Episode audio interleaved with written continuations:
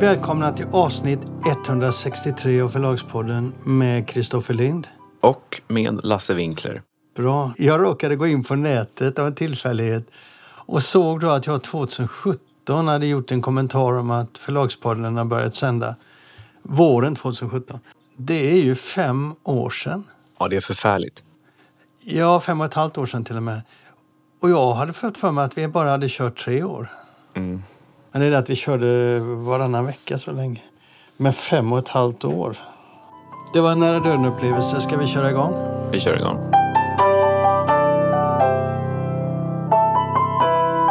Du, det har hänt några grejer som eh, vi behöver ta den här veckan. Åtminstone ett par självklara saker.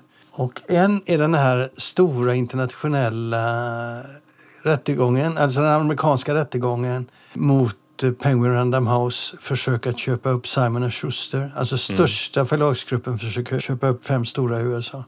Och häromdagen så kom domslutet från, eh, det preliminära domslutet ska man säga, från eh, domaren i den rättegången som ger justitiedepartementet i USA rätt. Och man nekar alltså Penguin Random House att få köpa Simon Schuster. Vi ska gå igenom grunden lite. Men vi ska också säga det till lyssnarna nu då att idag är det den 3 november, det är torsdag när vi spelar in det här. Imorgon kommer ett mer utförligt underlag. Det underlaget som Penguin Random House väntar på innan de lämnar in ett överklagande. Jag trodde ju inte att det skulle bli ett avslag. Gjorde du det? Jag kan inte bedöma det. Det handlar ju om hur man tolkar lagen och sådär. Så, så jag var ju liksom principiellt emot en, en en sammanslagning men, men eh, sen så allt beror på hur man tolkar lagen och hur konkurrenslagstiftningen är skriven och sådär. Ja, och det, det är lite intressant. Kan vi inte börja med det bara och ge några exempel på vad det här uh, har visat, den här uh, rättegången. En sak mm. är just det. Vad är det egentligen den amerikanska regeringen har fokuserat på? Jag tror inte folk har klart för sig det. Nej, du kan ju förklara det. Jag har inte heller helt klart för mig det. Alltså de har gjort det till ett antimonopolmål eller eh, antitrust. Mm. Jo, men det, ja. det har jag förstått. Ja. Men det handlar inte om monopol i bemärkelsen en aktör mindre på marknaden. Utan man har vänt på kikarsiktet och fokuserar på något som jag aldrig hört talas om innan som heter monopsony, inte monopoly. Monopsi, monopsi heter det på svenska, tror jag. Mon monopsi, okej. Okay. Och det kan ju du börja med att förklara då vad det är för något.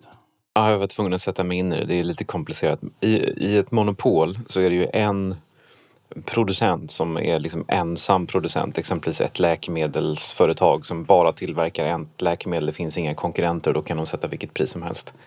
I en monopsi så är det flera tillverkare men det finns bara en köpare. Exempelvis kan det vara så att staten är enda köparen av eh, vapen exempelvis. Ja. Och då har jag förstått det som att de menar på att Penguin Random House kommer bli så starka på eh, distribution och, och liksom supply chain. Så att man kommer där bli, det blir som en monopsi-förhållande fast det finns ju flera förlag. Mm. Men man riktar in sig på säljarna, i det här fallet författarna, får en sämre marknad? Ja, det kan man säga. Man kan förenkla det med att oavsett vad man kallar det för, monopol, monopsi eller oligopol, så handlar det ju om att den allt mer ökade koncentrationen skapar liksom monopolliknande tendenser. Det, mm. det, blir mindre konkurrens helt enkelt. Mm. Men det här har varit en rättegång som har öppnat ett fönster in mot hur förläggeri sker på, i, på många nivåer. Inom det här begränsade fältet då som den här rättegången handlar om. Alltså, de har inriktat sig, regeringen har inriktat sig på alla författare som får förskott över 250 000 dollar. Deras öde, deras valmöjligheter, deras möjlighet att hålla uppe de här eh, så att säga, förskotten är fokus.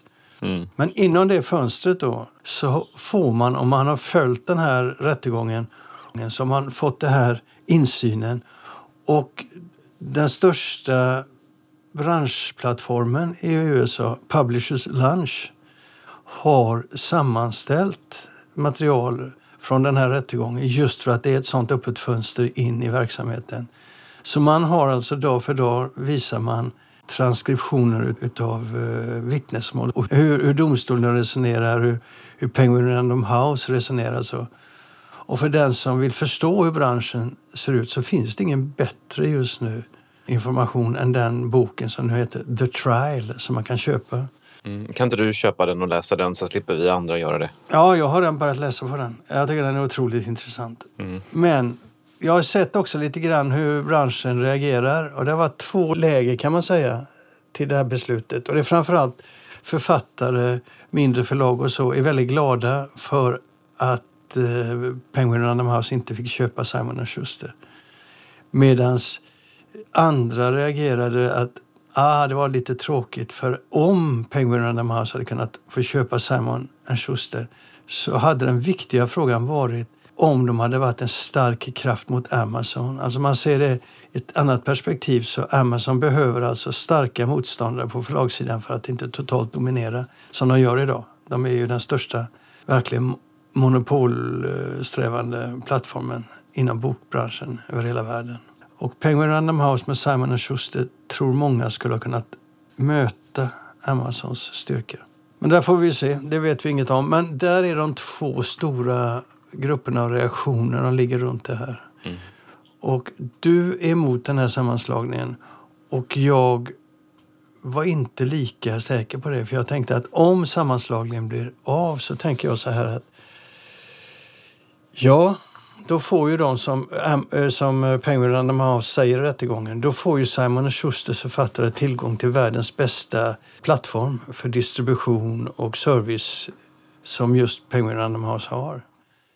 Nej, men det är ju inte, det är ju, så kan det ju vara, men jag menar, det är ju inte ett argument i det, i det allas bästa, så för allas bästa. Nej. Det är ju inte ett, argu- det är inte ett konkurrensrättsligt argument. Utan kan ju, så kan ju, man, den svenska konkurrenslagstiftningen är skriven väldigt mycket ur ett konsumentperspektiv. Och jag minns att när, det, har ju, det är väldigt sällan som affärer stoppas i Sverige och det är väldigt sällan som de överhuvudtaget, som Konkurrensverket överhuvudtaget undersöker någonting. Men de gjorde ju det när Bonnier köpte Pocket Shop för rätt många år sedan. Mm. Jag tror det var 2011 eller 2012 eller någonting sånt. Och då, eh, då minns jag att eh, Bonnier bland, alltså man, man kunde liksom då hävda från Bonniers sida att det här är inte en affär som kommer påverka konsumenten i form av ett sämre utbud eller högre priser för att Bonnier har bredden och man har liksom traditionen och man har kunskapen och det här är liksom en bra köpare. Eh, samma argument har ju Penguin Random House använt men det kan ju vara sant så att säga. Det, det kan ju vara liksom bra för Simon Schuster, det kan vara bra för deras författare men det behöver ju inte vara bra för, för helheten så att säga.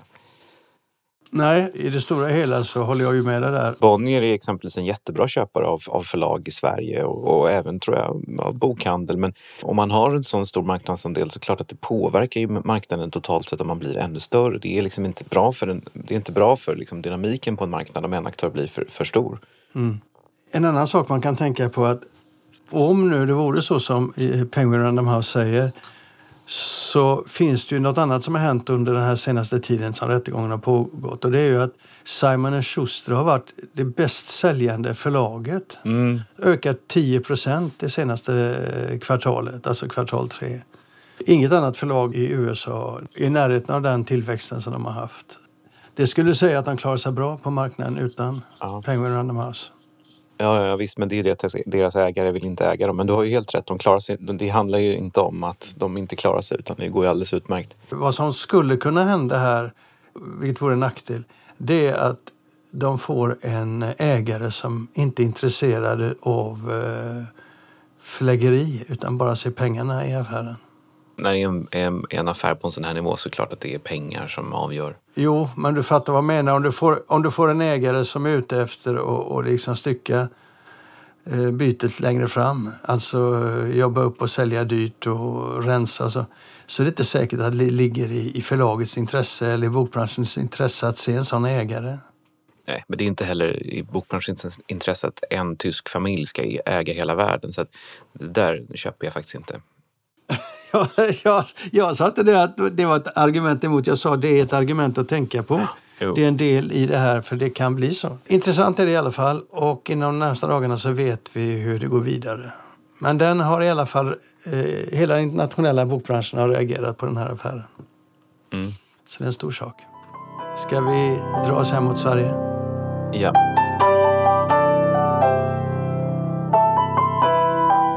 Vad ska vi ta nu då? Bestäm du. Vi tar DN-artikeln. Du får introducera. Det var en, eh, en ledarartikel av Isabelle Hadley Kamptz som var väldigt bra i Dagens Nyheter för några dagar sedan. Den tar sin utgångspunkt från den här rapporten som kommer från eh, Skolinspektionen som publicerades lagom inför läslovet. Och i den här Skolinspektionens rapport som jag faktiskt har skummat igenom så framkommer då att svenska elever läser allt sämre och att skolorna inte arbetar tillräckligt bra med läsfrämjande och att det främjande som sker det hänger väldigt mycket på enskilda lärares och deras engagemang. Man ser också att det är väldigt stor skillnad mellan högpresterande och lågpresterande elever. Att skolbiblioteken är viktiga men att de tappar i antal. Och detta då eh, tar hon som utgångspunkt för en artikel som handlar om att det talas väldigt mycket om läsning och läsningens betydelse men om vi tar bort läsning från skolan så det klart att inte någon klart att, klart att läsningen går ner så att säga. Och det är det som då framkommer i, den här, i de här studierna. Det finns också en annan studie från Högskolan i Dalarna som visar att hälften av alla barn i sexan inte läser en enda sida sammanhängande facktext under en vanlig skoldag. Mm. Och det är en ökning med 33 procent från 2007. Mm. Eh, och väldigt många skolor eh, slår sig för bröstet och tycker att de är så duktiga för att de har bara digitala läromedel. Samtidigt som forskning visar att elever läser, de kommer ihåg texterna bättre och läser, de vill hellre ha också vanliga fysiska böcker. Och det finns också då siffror som visar att det svenska snittet för läromedelsinköp är lägst i Norden. Mm. 22 procent av alla Sveriges skolor köper in läromedel för mindre än 400 kronor per elev och läsår hennes slutsats är väl lite grann att om man nu tycker att det är viktigt med läsning Ja, hennes slutsats är väl då att det är väl självklart att, folk, att barn läser mindre och att läsningen tappar i betydelse om man inte ens läser en enda sida i skolan per dag. Mm. Alltså, jag läste den, eh, den eh, ledaren också eh, och jag tyckte... Jag visste ju de här ingående värdena men jag, det blir jobbigt när man läser det så sammantaget och det blir så uppenbart. Vad är det man inte fattar. Mm. Varför ser det ut så här? Ja, det är konstigt. Jag, jag, jag tycker också att det är så märkligt att um, alla håller med om att, att man läser för lite och att det är viktigt med läsning och ändå så läser man ingenting. Vad gör man då i skolan? Där vill inte jag gå in lite för jag vet för lite, men jag kan ta ett exempel. Igår fick jag höra om en förskola här i Göteborg där barnen inte får läsa eller inte blir lästa för ur en bok och inte får arbeta med en bok utan förskollärarna sätter hörlurar i öronen på, på småbarnen som får höra på en ljudbok. Mm. De får inte förhålla sig till texter visuellt. Och jag blir helt förskräckt när jag hör det. Är ni korkade? Förstår ni inte? Barn i den åldern behöver slussas in i läsandet. Jag menar ljudet kan de också ha, men inte för att förskolan har ont om lärare och att de är trötta och slitna och behöver vila. Det kan inte stå i vägen för hur barnen utvecklas. Nej. Så jag bara liksom känner det. Vi, alla pratar ju, men det är väl en viss grupp som pratar om detta, hur viktig läsningen är. Men så på det stora hela så görs det otroligt lite. Mm. Nej, och det, jag tror verkligen att skolan har en väldigt viktig roll här. Man talar väldigt mycket om också föräldrarnas betydelse och sådär. Och det kunde man nog se i de här, den här Skolinspektionens rapport att, att elever som kommer från läsande hem, de presterar också mycket bättre i skolan. Att läsningen blir mycket mer en klassfråga. Ja, det, det har alltid varit en klassfråga. Ja, men det har, de skillnaderna har ökat. Och då, får, då är ju skolans betydelse väldigt viktig som en utjämnande kraft. Ja, alltså i min eget fall så, så jag kommer ju från ett hem som inte har någon läsning. Jag hade någon läsning. Men eh, fick så att säga tag i läsningen.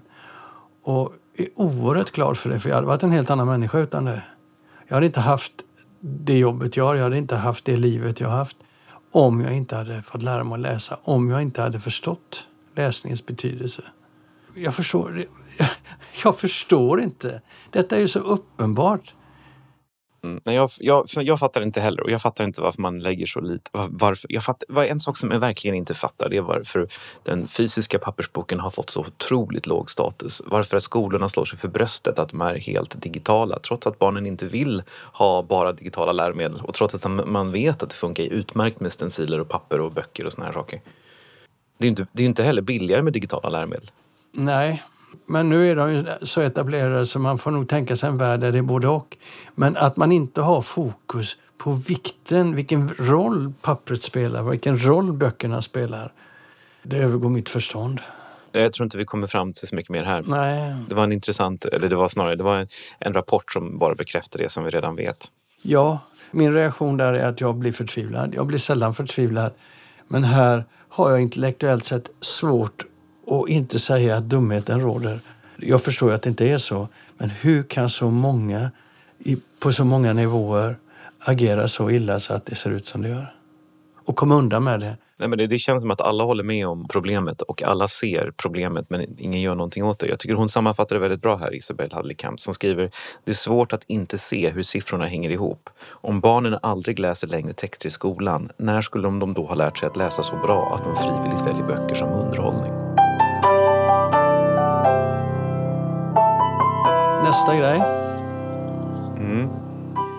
Och det här är en käpphäst som jag har och jag kanske får eh, äta upp det jag tänker säga nu, men jag ska säga det ändå. Du vet det här bokpriset Årets bok. Mm. Som Bonniers bokklubbar delar ut. Ja. De skriver så här på sin hemsida. Att tillsammans med svenska folket hylla boken var vår ambition när vi instiftade utmärkelsen Årets bok under 2016. Alla mina tentakler är ute när jag läser något sånt. Juryn för det här bokpriset är Bonniers bokklubbas fem litteraturredaktörer, det vill säga de som ansvarar för vilka böcker som väljs ut i Bonniers bokklubb Svalan och Månadens bok. Och enligt hemsidan har de tillsammans cirka 250 000 medlemmar i de här bokklubbarna, vilket jag tycker låter mycket med tanke på hur de här bokklubbarna bara blir mindre och mindre och mindre. Vad tänker du om det där priset?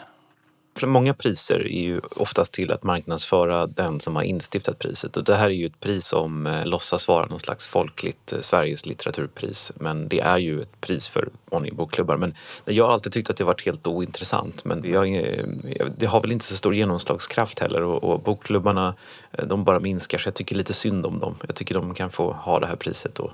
Jag tycker inte de ska få ha det här priset. Det här är en PR-kampanj förklädd PR-kampanj. Jag avskyr alltid förklädda PR-kampanjer.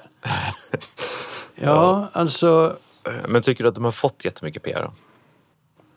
Nå. Kommunikationen, kommunikationen är lite falsk och lite, lite, lite fake. Men, men tycker att de får ett stort genomslag? Nej, stort genomslag får de inte. Men jag menar branschtidningar och dagstidningar. De får ett pressmeddelande om årets vinnare av Årets bok. Mm. För det första. Ja, det borde, det borde heta Bonniers bokklubbars bok. Ja, årets bok. Jävla bullshit. Men i alla fall, tidningarna får det. Och så har de en lucka, ett litet eh, notisutrymme. Och då trycker de in den. Ja, ja, det är ett pris. De frågar sig inte vad fan det är. Och därmed så har man gett upp sin roll som journalist. Man kan absolut plocka ut priser som betyder någonting. Men varenda kreti och pletipris som är till för att marknadsföra den egna organisationen och böckerna. Det är ju enkel textreklam. Och där borde journalisterna säga nej, men de gör inte det. Mm. Så när årets pris då som gick till en, en Bonnier-författare som då får 30 000 att citat skänka bland ett antal olika organisationer och initiativ som rör böcker, läsning och lärande. Mm. Alltså det är så gulligt som man spyr. Mm, ja, det är inga pengar heller. Nej, men det är så det är, så det är menat. Alltså, jag gick igenom deras eh, Instagramkonto, vilket är det enda som fungerar PR-mässigt på nätet. Och där skrev man 2017 att man hade 14 000 som röstat, vilket, som var, vilket var ett rekord. Och de som får rösta, det är alltså alla i hela Sverige. Det är därför det är alla svenskars pris man kallar det. Och man börjar rösta i april någon gång och kan rösta till slut augusti. Och man kan rösta en gång om dagen. Vilket gör ungefär att du kan rösta ungefär 100 gånger på din författare. En märklighet som jag aldrig har sett någon annanstans när man röstar på populäraste boken. Då får man ju en gång. Men här kan ju folk som inte har något arbete sitta och rösta varenda dag och ge samma författare 100 röster. Och då blir ju 14 000 röster. Om alla var, gjorde så så skulle det bli 140 röster som har röstat. Alltså det är så korkat så det är ofattbart. Ja. Och eh, sen kan man se då hur många följer Årets bok på Instagram. Det är 4 858 följare. Så det tar ju ner det hela lite. Alltså det är väldigt få människor som röstar på det här priset antagligen. Så få så att det är anskrämligt. Men det räcker ändå för att världen ska bli lurad. Mm. Men man kan fråga sig, vem gynnas av ett sånt här pris? Alltså Bonniers bokklubbar de behöver positiv PR. De behöver synas att de gör något för boken och inte bara säljer böcker. Och eftersom bokurvalet är hyfsat snävt va, så eh, gynnar det ju bara, i stort sett bara ägarna Bonniers. Så man slår två flugor i en smäll och man säljer lite extra av vinnarboken om man nu gör det. De två första åren så gick priset till icke Bonniers författare men nu de senaste fem åren så har det gått till Bonnier författare. Mm. Så det är ett inhouse-pris kan man säga. Mm. Och då, man kan ju tänka sig också att det är mycket bon medlemmar i Bonniers bokklubbar som röstar och huvudböckerna är ju bara Bonnierböcker. Så att... ja, inte bara. Eh, de har ju också starka sidoböcker också. Så att... Ja, men huvudböckerna är... Månadens bok har ibland huvudböcker som inte är Bonnier men, men i Bonniers bokklubb så är det bara Bonnierböcker. Ja, så är det. Ja, så det här är en inhouse. Bonniers utser Bonniers författare till ett Bonniers-pris som inte egentligen är ett pris. Det är en PR-kampanj. Och jag tycker det, och det kan de väl få göra. Jag skiter fullständigt i det. Men det som rör mig varför jag tar upp det här, och det finns liknande priser där ute, är att media, branschorgan och vanliga dagliga tidningar överhuvudtaget inte förstår vad de gör när de bara trycker in de där grejerna.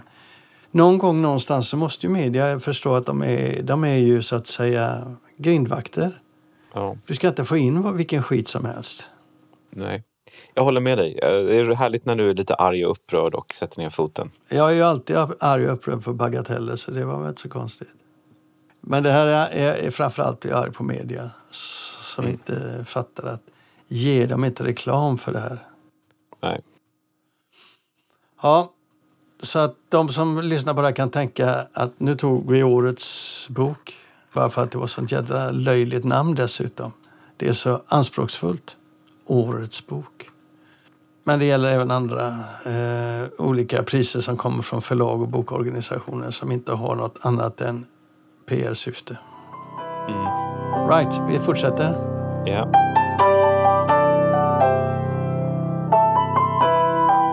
Du Millennium. Vi har pratat om det när jag intervjuade Jan Ajvide Lindqvist om hans del i eh, Millennium-historien.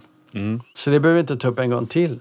Jag tyckte det var roligt att höra hans berättelse, hur han hade blivit eh, apostroferad, gjorde ett förslag som inte blev godkänt och sen skrev om det förslaget, det vill säga en färdig bok som han hade gjort. Och har nu gett ut det på Ordfront som en annan bok där den här historien om hans egen förhållande till Millennium är med i en del av handlingen. Det är faktiskt lite meta-meta och det är riktigt roligt. Men nu på fredag, eller idag faktiskt, så startar Millenniums marknadsföring. Man är uppe i eh, Norrland. Man är uppe i Stig Larssons hemtrakter i Bjursele och Mogliden med ett antal utländska förläggare och journalister från Europa. Och där börjar man lanseringen med eh, den nya Millenniumboken som ju Karin Smirnoff skriver för eh, Polaris. Mm. Och ikväll har de eh, releasefest hos Karin Smirnoff i Hertsånger, tror jag, mellan Skellefteå och Umeå någonstans.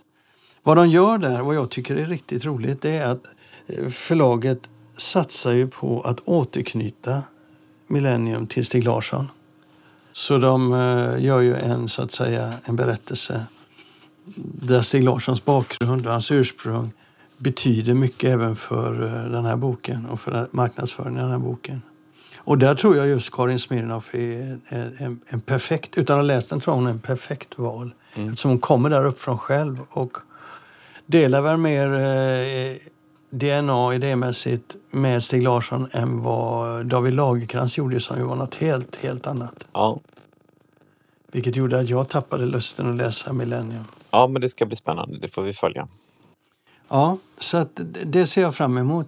Men jag såg en artikel i Svensk Bokhandel där Pelle Andersson på Ordfront var intervjuad och där Jonas Axelsson från Polaris var intervjuad.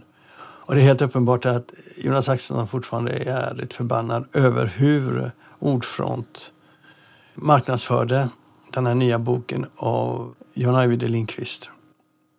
Därför att de hänvisar ju till bakgrunden att det hade varit en bok som skulle kunna vara en, en mm. millennium. Och då tyckte Millenniumbok och då tyckte ju Jonas Axelsson att det var för jävla jobbigt och det påverkade deras marknadsföring. Det tog liksom syre från marknadsföringen. Han kan ha rätt i det, men jag tror att de får en massa syre också i den här konflikten. För den är rolig att berätta. Och den är på väg att bli internationellt intressant också. Så att den kommer att finnas där när eh, böckerna kommer ut. Vilket jag tror påverkar bägge böckerna positivt. Men jag förstår att Jonas Axelsson har varit väldigt, väldigt stressad. För det här är ju en ekonomiskt en otroligt tung satsning som inte får misslyckas för Polaris. För att då får de det tungt. Så allting som kommer i vägen har ju stressat eh, Polaris. Så jag fattar att de tycker det är jobbigt. Men jag tror att detta kan bli eh, väldigt roligt i slutändan. Mm, men vi håller tummarna för att det går bra. Ja, inga synpunkter? Nej, jag har inga synpunkter. Okej. Okay. Ja, jag tycker det ska bli roligt i alla fall och håller tummarna för bägge böckerna. Så, Storytel då? Mm. Du har inte, du, man kan säga att du har återhämtat dig ekonomiskt de här senaste dagarna. Nej, men herregud, eh, det ska vi gå in på det? Nej, det här får du klippa bort, men eh, aktien steg idag med 25 procent. Nu behöver den bara femdubblas, det vill säga stiga med 500 procent för att jag ska få komma tillbaks till där jag var. Ja, till, till den köpeskillingen mm. som du fick av Storytel mm. när du sålde ditt förlag. Ska vi klippa bort det? Det är väl eh, rolig ingång till den här storyn? Jo, jo, det kan vara en rolig ingång. Du kan ha kvar det, det är ju ingen hemlighet. Mm. Men det, det, var, det, var, ju, jag sålde ju, jag bytte ju fina Lind Company-aktier mot Storytel-aktier som sen sjönk som en sten. Nej, men det är ju eh, en stor eh, ökning, 25 procent på en dag. Men det var ju också en liksom, väldigt positiv rapport på många punkter. Berätta, vad var det som kom? Alltså de stora sakerna i rapporten, de växer med 26 procent och hade det inte varit för tappet i Ryssland så hade det varit 29 procent jämfört med föregående kvartal förra året. Eh, I de där tillväxten så ligger ganska mycket det amerikanska Audiobooks.com som väger upp men det är ändå hyfsat bra. Och eh, framförallt den stora, de stora positiva punkterna det var att man har ett för första gången någonsin ett positivt kassaflöde. Eller inte någonsin, man hade några år när man hade det.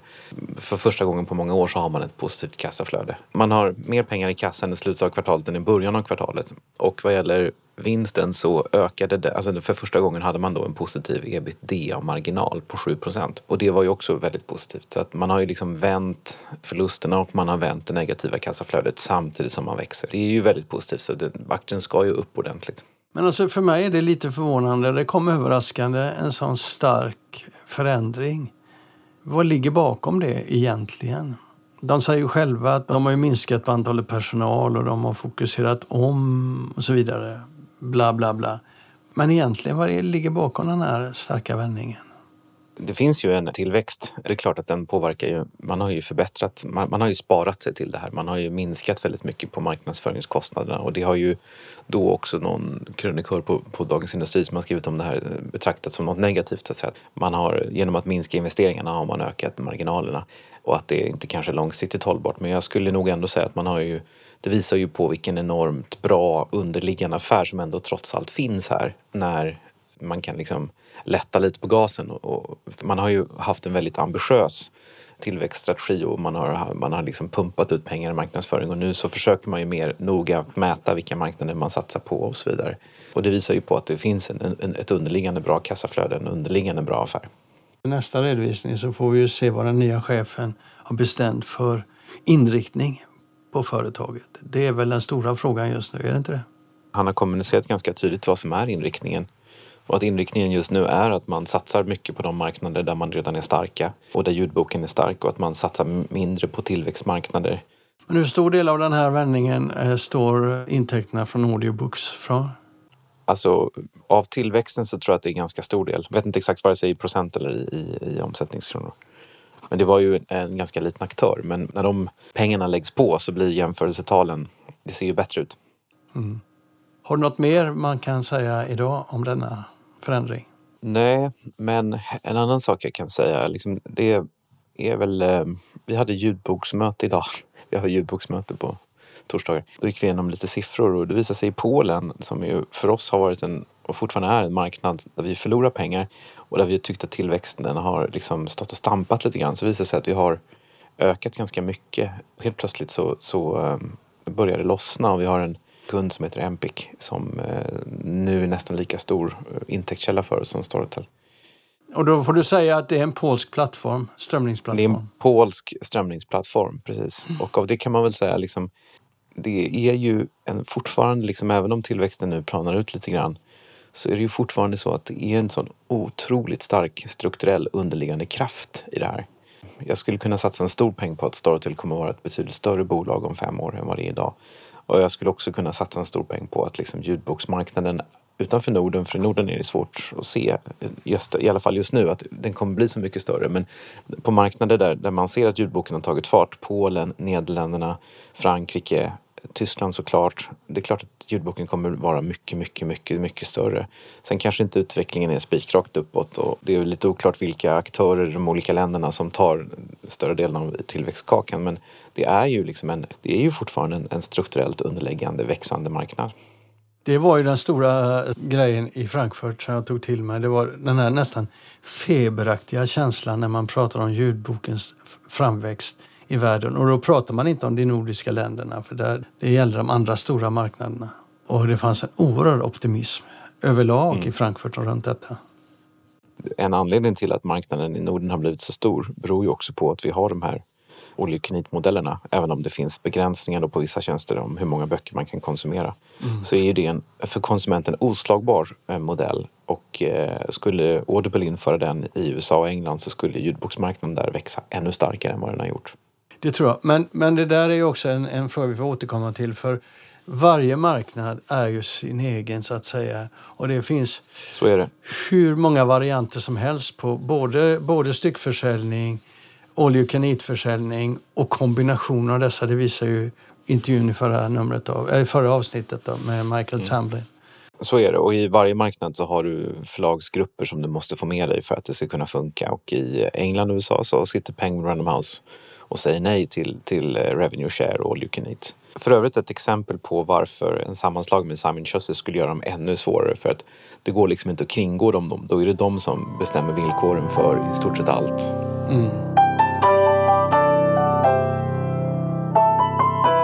Men du, vi hoppar där idag va? Ja, jag tror det. För nu är det ganska långt. Ja, ska du säga hej då? Hej då och eh, eh, hej då. Nej men hej då. Tack för att ni har lyssnat på Förlagspodden nummer 100 bla bla bla. Vi ses nästa vecka och då kommer ännu ett nytt avsnitt med Las Winkler och med mig, Kristoff Lind. Hej då!